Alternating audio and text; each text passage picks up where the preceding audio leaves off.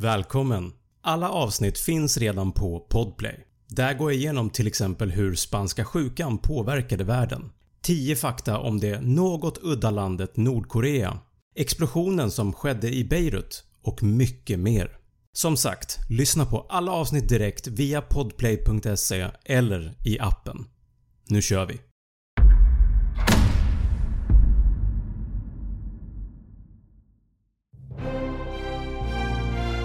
Det är den 6 maj och året är 1937 och vi befinner oss vid flygplatsen Lakehurst i New Jersey i USA.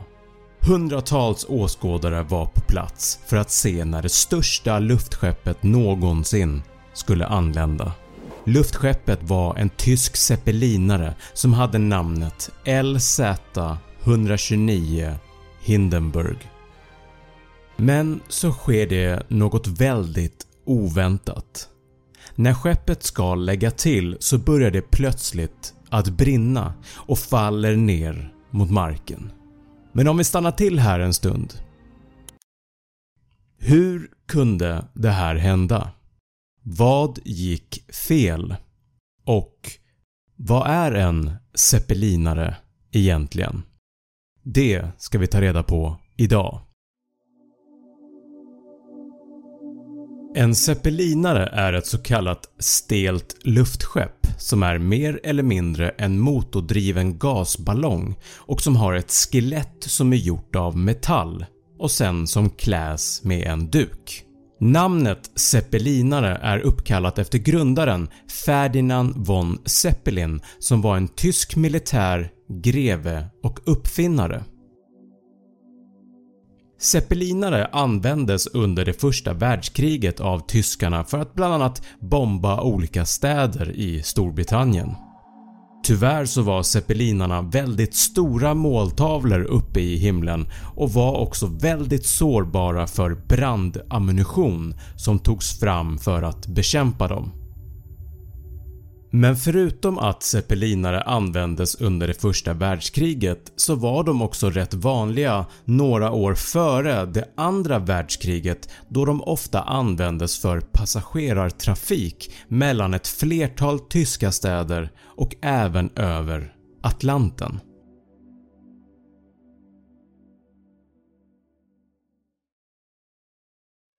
Konstruktionen av Hindenburg började i mars 1931 och var färdigställd 1936. Bygget finansierades av nazisterna som på den här tiden ville visa att Tyskland fortfarande var en stormakt med avancerad teknik. Hindenburg var som sagt världens största luftskepp vid den här tiden och inte bara världens största luftskepp, faktiskt det största flygande objektet någonsin i hela världen. Hindenburg var 245 meter lång. Det är längre än tre stycken Boeing 747 flygplan eller om vi jämför med Kaknästornet som är 155 meter högt så skulle alltså Hindenburg vara 90 meter längre eller cirka en och en halv gånger större om vi skulle placera luftskeppet vertikalt bredvid tornet. Hindenburg hade en diameter på 41 meter och drevs av fyra stycken dieselmotorer som hade cirka 1300 hästkrafter var. Hindenburg kunde nå en maxhastighet på 135 km i timmen men körde i normala fall i 125 km i timmen vilket var en imponerande hastighet och gjorde luftskeppet mycket attraktivt för passagerare att korsa Atlanten med. Vilket på den tiden skulle ta cirka 5 dagar över vattnet med fartyg. Men Hindenburg kunde korsa Atlanten på bara 43 timmar.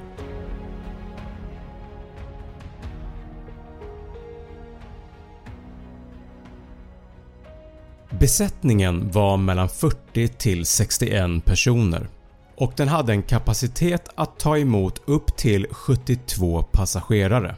Passagerarna hade tillgång till två olika våningar. Däck A och däck B. På däck A fanns det en matsal, en salong för att kunna slappna av i, ett skriv och läsrum, ett flertal olika passagerarhytter med två sängar i varje hytt. På varje sida av skeppet fanns det stora panoramafönster så att man kunde få en fin utsikt från skeppet.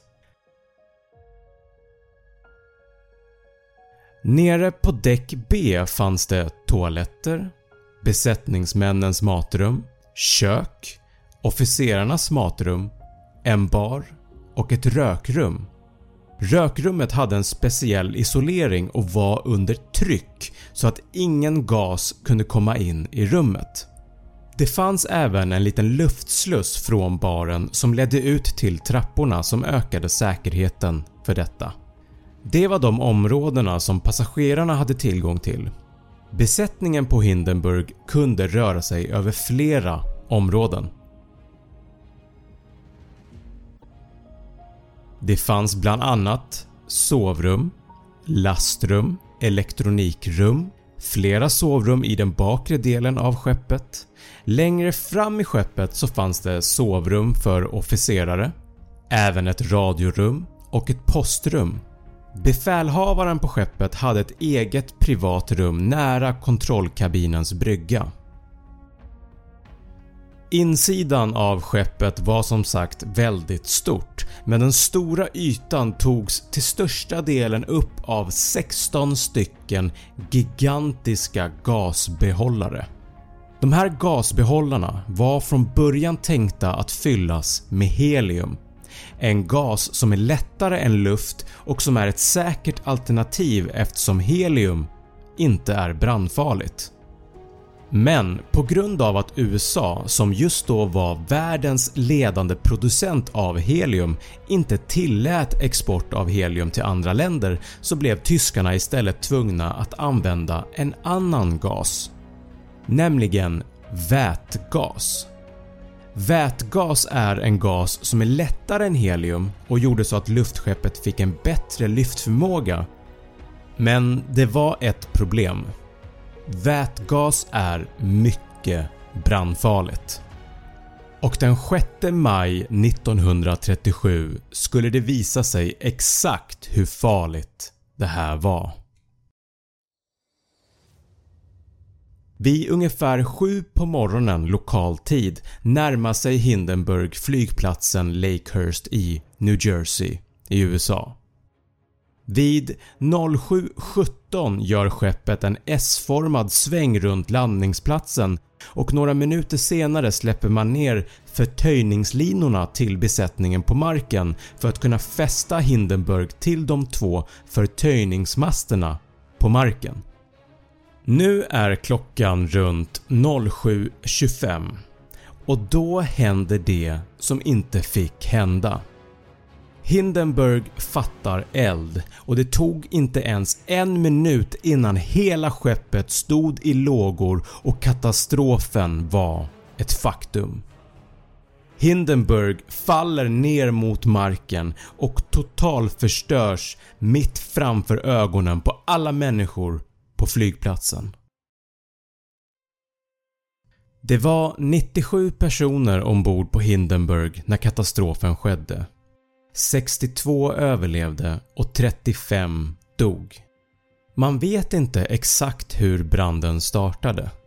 Orsaken till katastrofen är alltså dessvärre okänd men det finns några teorier. En teori hävdar att det var en person ombord som placerat en bomb på Hindenburg. En annan teori hävdar att blixten slog ner i skeppet. Men det som de allra flesta forskare och utredare är överens om är att branden har startat av statisk elektricitet som byggts upp under en lång tid och allt som krävs är en gnista.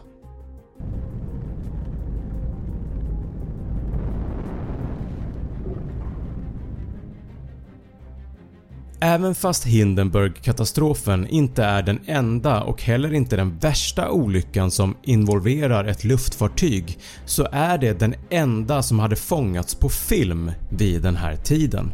Miljontals människor över hela världen kunde se när branden slukade skeppet och passagerarna ombord.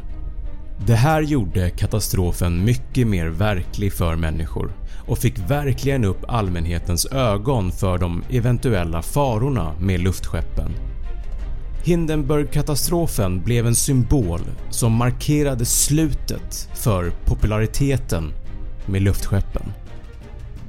Tack för att du har tittat. Tack för att du har lyssnat på det här avsnittet. Alla avsnitt finns att lyssna på via podplay.se eller i appen. Glöm inte att prenumerera på min YouTube-kanal Snabbfakta och på Instagram heter jag snabb.fakta. Nästa avsnitt kommer faktiskt att handla om ditt liv. Till exempel hur mycket vatten dricker man under en livstid? Eller hur många timmar spenderar man framför TVn? Eller hur många år sover vi under en livstid? Det och mycket mer kommer jag gå igenom i nästa avsnitt, så missa inte det.